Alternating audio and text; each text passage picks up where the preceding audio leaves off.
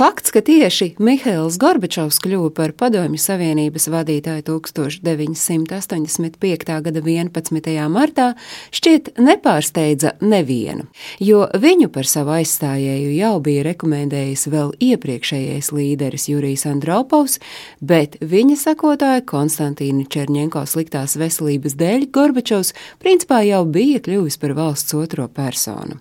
Turklāt sociālisma citadeles līdera biogrāfija ideāli atbilda ieņemamajam amatam.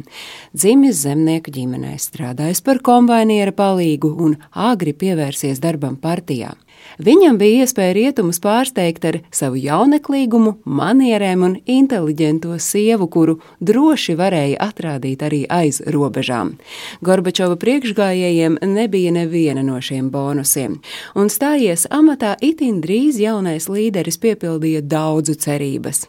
Jau mēnesi pēc nokļūšanas PSRS līdera godā Gorbačovs izziņoja nepieciešamību pēc plašām reformām, galvenokārt, lai sakārtotu iekšējo ekonomiku, bet arī, lai pārveidotu birokrātisko aparātu, tostarp nomainot iesīkstējušo ārlietu ministru, kā arī uzsākot alkohola aprites kontroli. Īstās pārmaiņas un radikāla pārmaiņu jeb perestroikas politika oficiāli sākās partijas kongresā gadu pēc Gorbačova stāšanās amatā.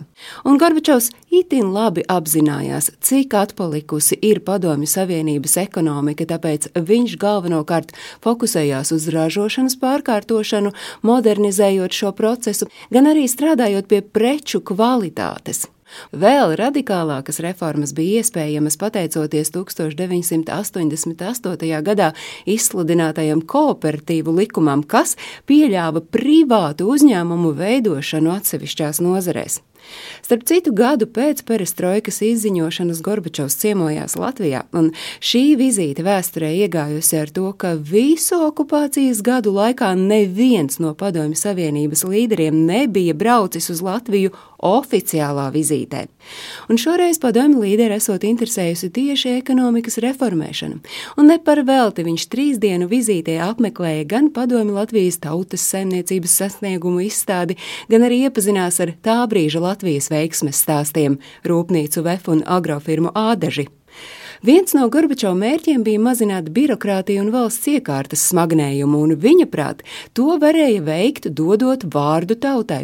Tādējādi dzima atvērtības politika, jeb glasnosts. Šo pārmaiņu rezultātā mazinājās kontrole pār presi un mēdījiem un tika atbrīvoti virkne politisko pretinieku, un pat iespējama bija varas kritika, tiesa gan zināmās devās. Līdz ar iespēju kritiski izteikties Gorbačovs uzsāka ceļu uz demokratizāciju un viņa reformas bija mazinājušas partijas varu. Demokrātija un atvērtības politika neglābjami ievainoja padomju sistēmu, un rezultātā padomju republika, īpaši Baltijas valstu iedzīvotāji, pieprasīja lielākas pašnoteikšanās tiesības un lieki piebilst, ka neatkarības centieni gan padomju funkcionārus, gan arī pašu Gorbačovu pārsteidza nesagatavotus. Vecie komunistu buki perestroiku un Austrumēropas brīvlaišanu gan vēroja ar pamatīgām bažām, un tieši tāpēc 1991. gada augustā Gorbačova līdzgājēji sarīkoja augusta puču, kura laikā pašu vadoni ieslodzīja vasarnīcā Krimā. Bet apvērsumam izgāžoties, lai arī Gorbačovs pēc atbrīvošanas atguva varu, tobrīd jau par faktisko līderi bija kļuvis Boris Jeļcins. Tātad spožs Gorbačova laiks uz pasaules politikas skatuves bija no 1985. gada marta līdz 1991. gada augustam. Stāstīja Agnese Drunka.